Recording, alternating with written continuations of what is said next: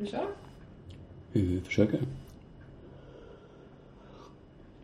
Eh, Ja, det här är Peter Oskarsson.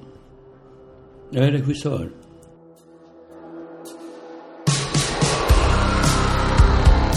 I podd Faust får du inblick i förberedelserna inför föreställningen Faust i Gasklockan. I varje avsnitt träffar vi nya personer som berättar om deras tankar och utmaningar i arbetet fram till premiären.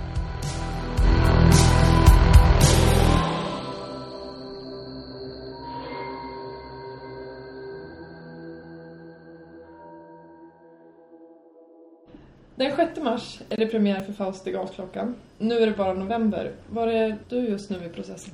Jag har precis mött eh, skådespelarna, kan man säga. Vi har hållit på en vecka med ett slags eh, förberedelsearbete. Och eh, har nu börjat att mm, ja, göra de här olika scenerna i, i det här skådespelet. Ja, det är ett slags undersökningsarbete kan man säga. Skådespelarna är ju med och diktar och eh, skapar eh, den här föreställningen. Även om det finns ett manus nu så, så kommer ju de på många sätt att utforma ja, det manus som kommer att finnas färdigt den 6 mars. Hur har du förberett dig inför att träffa skådespelarna? Eh, Jag har varit med och gjort ett manus, ett slags arbetsmanus. Att banta ner de här eh, 22 timmarna som Goethe har skrivit till en, eh, en föreställning som ska ta max tre och en halv timme med paus. Så att det är därför vi kallar det här en fragment av en tragedi efter Goethe. Hur kom tanken upp från början att det skulle bli just Faust? Det var jag och Pelle Holm som är dramaturg och eh, Kurt Nylander som um, drack espresso på Moderna Museet i Stockholm. Så pratade vi om vad i all världen skulle vi, om vi skulle göra något samarbete, vad skulle vi kunna göra? Och då dök den här berättelsen om Faust upp. Och jag tror Kurt i synnerhet var, var intresserad av det här och ville att det skulle bli ett, ja, ett större arbete då. Och kanske, jag tror han tänkte också att det skulle bli liksom det sista stora, den sista stora uppsättning som skulle göras medan han fortfarande var chef. Eh, så det var lite ett credo eller vad man ska kalla det för som, eller ja, sen blev det ett requiem istället men men eh, det var mycket eh, hans intresse och vilja att göra det här som gjorde att det så småningom blev bestämt att det skulle göras. Det kändes ju väldigt konstigt i och med att det på så många sätt var hans, hans credo. Att han ville göra det eller Mm, så att det förlamade väl arbetet en ganska lång tid. Inte bara för mig utan för många tror jag som var med. Men eh, sen var vi väl överens om att eh, vi ändå ville fortsätta att, göra det här och att inte minst för att hedra Kurt. Vad är det som fascinerar med just berättelsen om Faust? Det är nog många saker. Kanske att det är ett försök att beskriva västerlandets dilemma och historia i ett jättestort perspektiv. Att, um, att det sätter, även om det skrevs då för länge sedan, så sätter det fingret på någonting som har blivit ännu mer, ah, jag vet inte om jag vill kalla det aktuellt, men ömt. Um, kännbart eller, men, men um, Själva myten har ju fascinerat. Den har väl liksom följt västerland kan man säga från det vi vid renässansen eh, började och ett slags stort projekt att eh, skapa en ny, ny, en ny tanke, ett nytt samhälle, en ny världssyn. Och, och eh, ungefär samtidigt så dyker ju den här berättelsen upp, även om den har funnits i andra skepnader tidigare. Och sen dyker den upp, inte bara hos Goethe, utan hos Marlowe, hos Bulgakov, hos, alltså i mängder olika skepnader. Thomas Mann. eh, Ju mer man intresserar sig för Goethes Faust, desto fler andra Faust upptäcker man ju. Det verkar vara någonting som oavlåtligen liksom fascinerar oss. I populärkulturen så finns ju de här, det här temat ofta representerat och gestaltat i olika former. Mer eller mindre medvetet. Så att det genomsyrar ju någon slags bearbetning som vi ägnar oss åt eh, för att försöka beskriva någonting som händer med oss, kanske privat, men också i samhället eller som kanske händer med hela vår kultur och på olika nivåer. Och det var väl just det Goethe försökte med det här 22 timmars pjäsen som han skrev på i hela sitt liv. Att han ville liksom försöka omfatta hela vår, alltså västerlandets kulturs, både historia och profetia.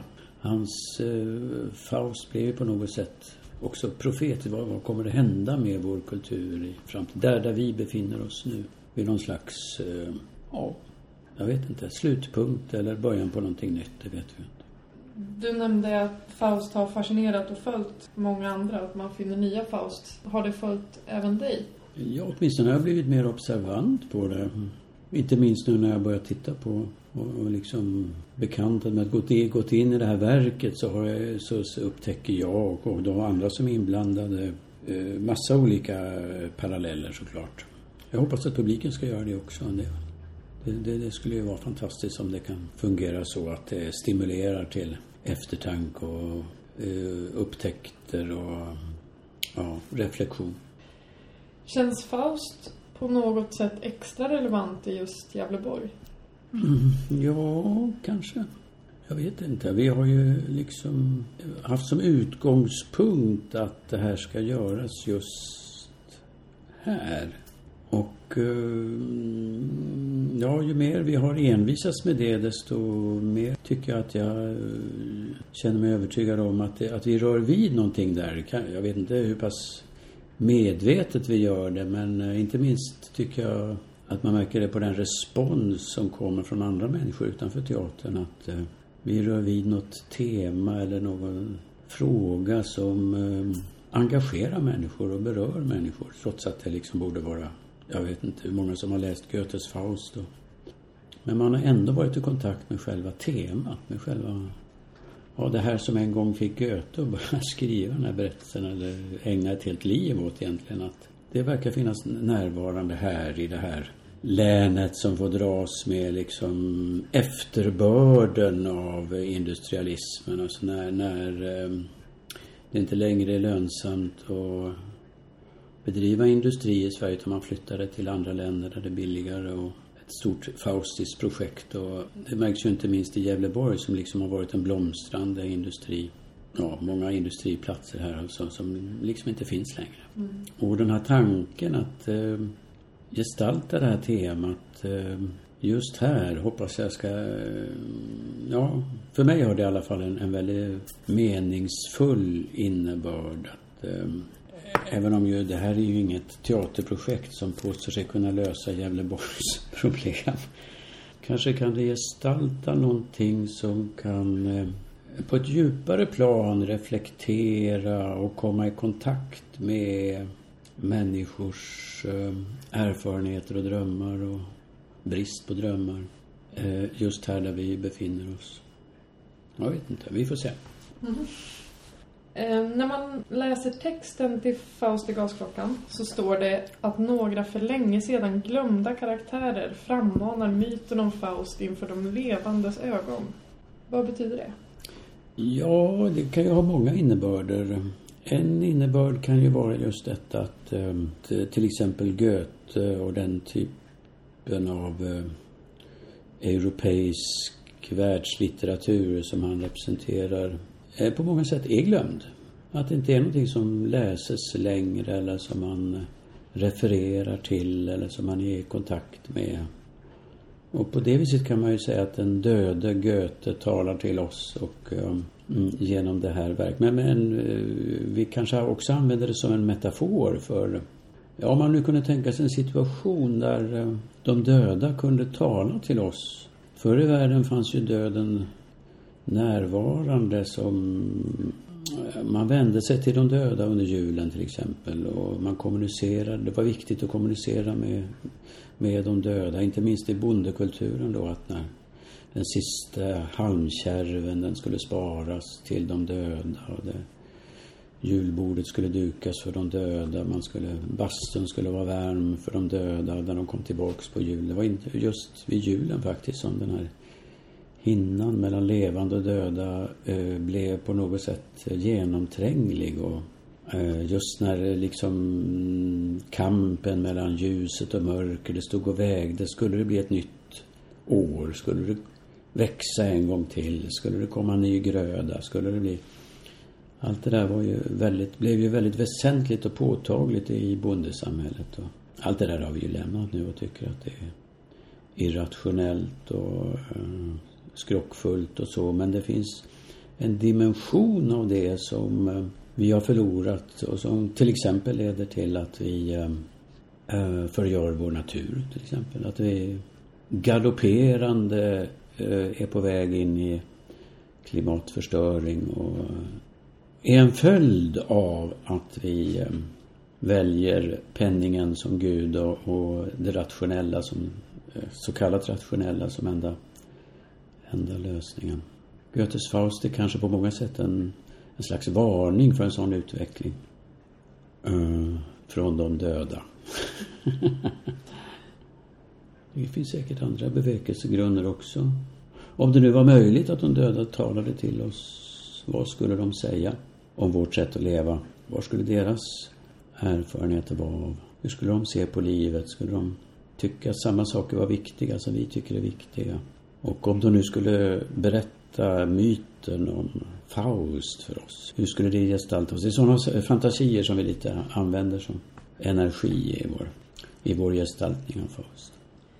Alltså den här blandningen av eh, levande och döda och spöken och andar och änglar och, ja, för att inte tala om Mefisto själv, djävulen som slå vad med Gud i början. Att han menar ju att människan är ju ingenting att satsa på. Hon är ju mycket värre än djävulen. Hon förstör ju hela, hela Guds skapelse. Det är bättre att vi gör oss av med hela mänskligheten så fort som möjligt. Och, men Gud protesterar och säger att ja, men det finns något gudomligt i varje människa som är oförstörbart och som inte du kan rå på. Och då slår de ju vad om att eh, djävulen, om man får sätta klorna i Faust, ska nog kunna utplåna det där gudomliga. Och om djävulen vinner då, eller Mefisto, så, så ger ju Gud äh, djävulen rätt att förinta mänsklighet. Om man nu behöver göra det, det kanske vi fixar själva, jag vet. Vem tycker du Faust egentligen är? Jag vet inte om Faust... Faust är liksom ingen och alla, tycker jag. Jag menar, på pappret om vi tittar så är det en lärd äh, människa som har kommit till någon punkt att eh, han tycker att det är, allt det han har lärt är egentligen meningslöst, att han inte förstår någonting av livet och vill ta livet av sig själv. Det, det är ju öppningen hos, hos Goethe. Men eh, den här Faust, den där personen som sluter avtal med djävulen, det tycker jag finns i var och en av oss. I alla. Det är en slags Jederman. Det fanns ett gammalt medeltida skådespel där huvudpersonen heter, heter Jederman. Alltså alla. Även om vi kanske inte möter djävulen i form av en pudel som förvandlas till en flodhäst och sen står hemma hos oss. Utan vi kanske sluter avtal med djävulen mer droppvis. Ett banklån här och en kompromiss där och ett jobb där som vi egentligen inte vill ha eller ett sammanhang som vi egentligen tycker illa om. Och sen sitter vi där. Antingen kanske vi är övermodiga precis som Faust är och säger att ja men det gör väl detsamma vad jag, vem jag lierar mig med. Jag, kan, jag är så stark och jag vet liksom jag kommer alltid kunna styra rätt. Och kommer att ordna sig till slut. Um, eller så kanske vi förförs. Vi kanske så hett önskar något. Som den här bluesgitarristen som går till en korsväg och möter djävulen och får en gitarr av djävulen och sen blir han världens bästa bluesgitarrist. Det finns många sätt. Jag kan nog känna igen mig i det där droppvisa avtalet med, med Mefisto. Det är väldigt lätt att, att hamna där.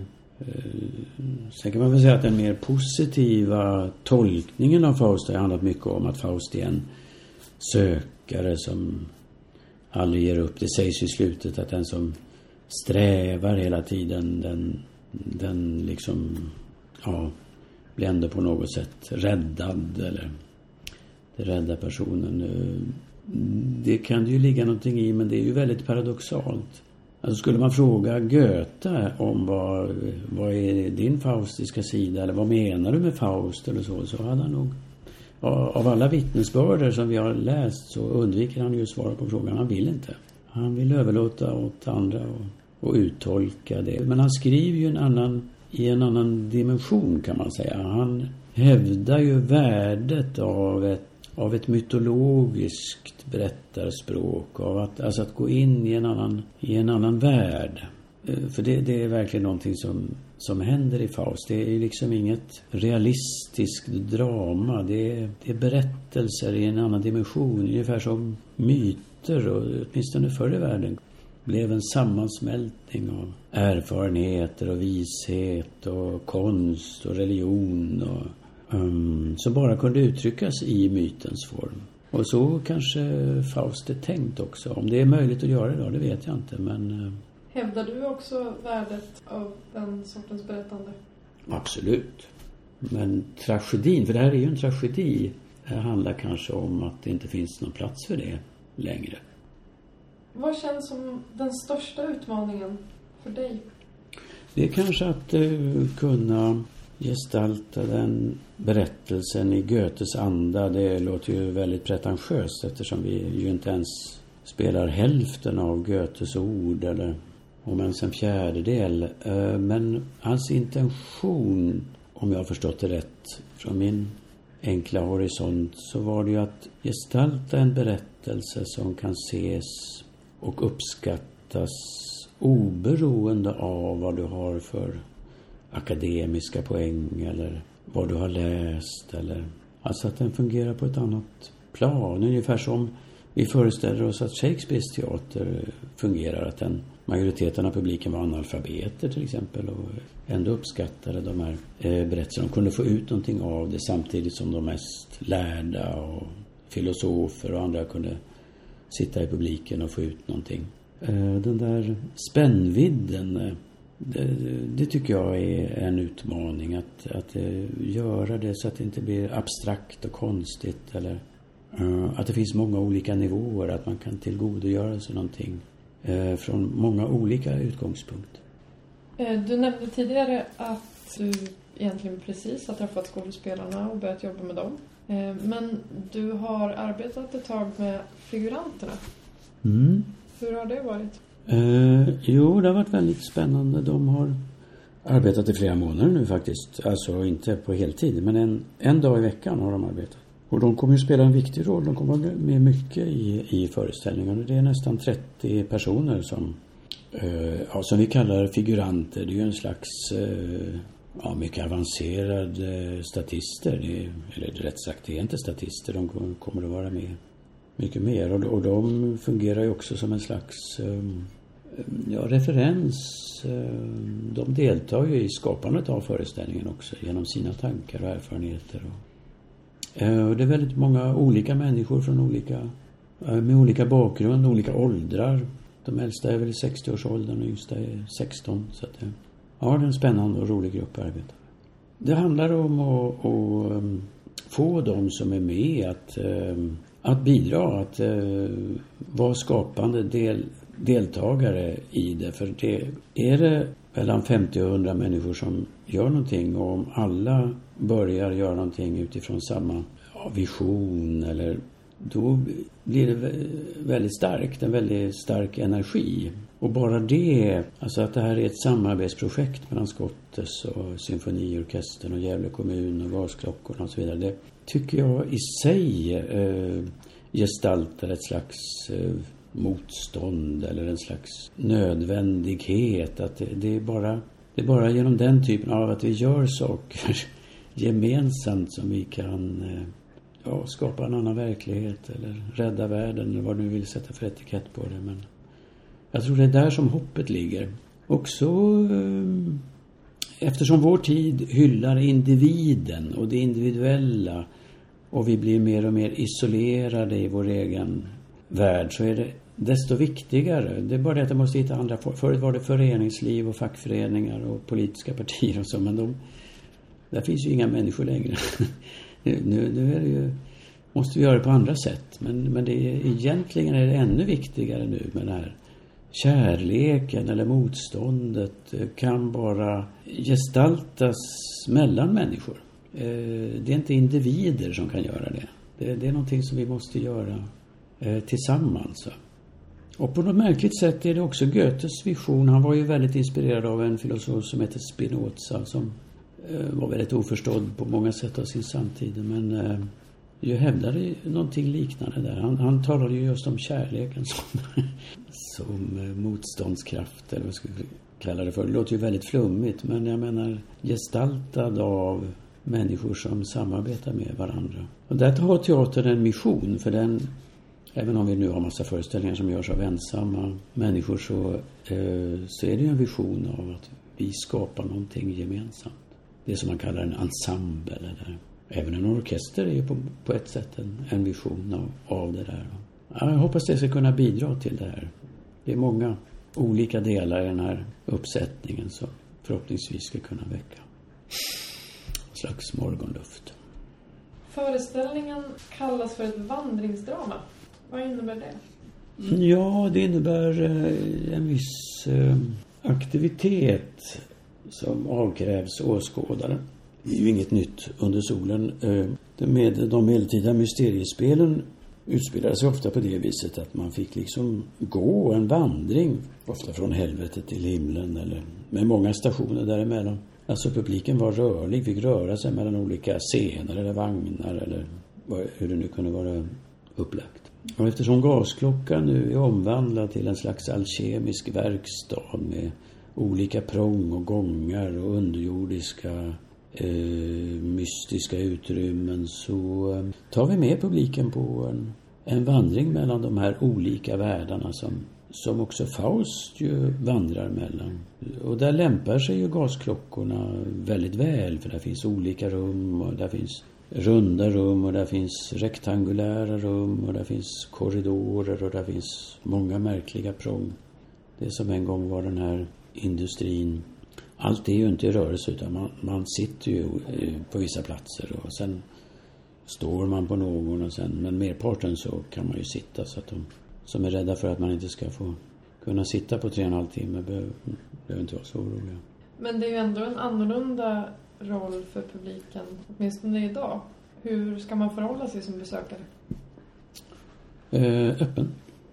Men hur blir ert arbete annorlunda i och med förutsättningen att publiken följer med er?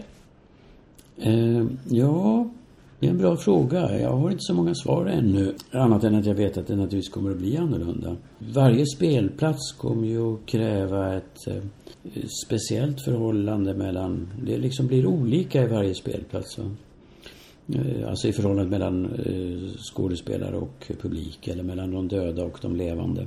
Ja, det kommer att... Mm, rummen är väldigt... Ja, blir väldigt olika och de ska representera olika världar som vi kliver in Men hur har det varit att, att ta sig an ett verk som Goethes Faust och omskapa något sådant? Ja, det har tagit tid, eh, tycker jag. Det var inget verk som var öppet för mig från början. Att det var bara att kliva in i och man kände sig hemma där. Utan, och den upplevelsen delade jag nog med hela det här dramaturgiska. Vi har ju varit en hel grupp människor som har arbetat med manuset. Jag tror jag delade det med de andra. Att det, det liksom var...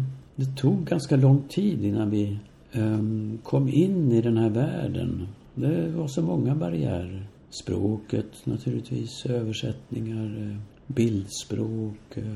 Men efter ett tag eh, var det någonting som öppnade sig och, och det gick på något sätt. Det är ju så med böcker också tycker jag ibland. Att vissa böcker är liksom omöjliga att läsa på många år. Sen plötsligt händer någonting och så öppnar de sig. Det är inte böckerna som öppnar sig utan det är väl någonting som händer i individen eller i mig själv eller hos flera människor, vad vet jag, som plötsligt gör att ja, varför har jag inte förstått det här tidigare eller varför har jag inte läst det här tidigare och så.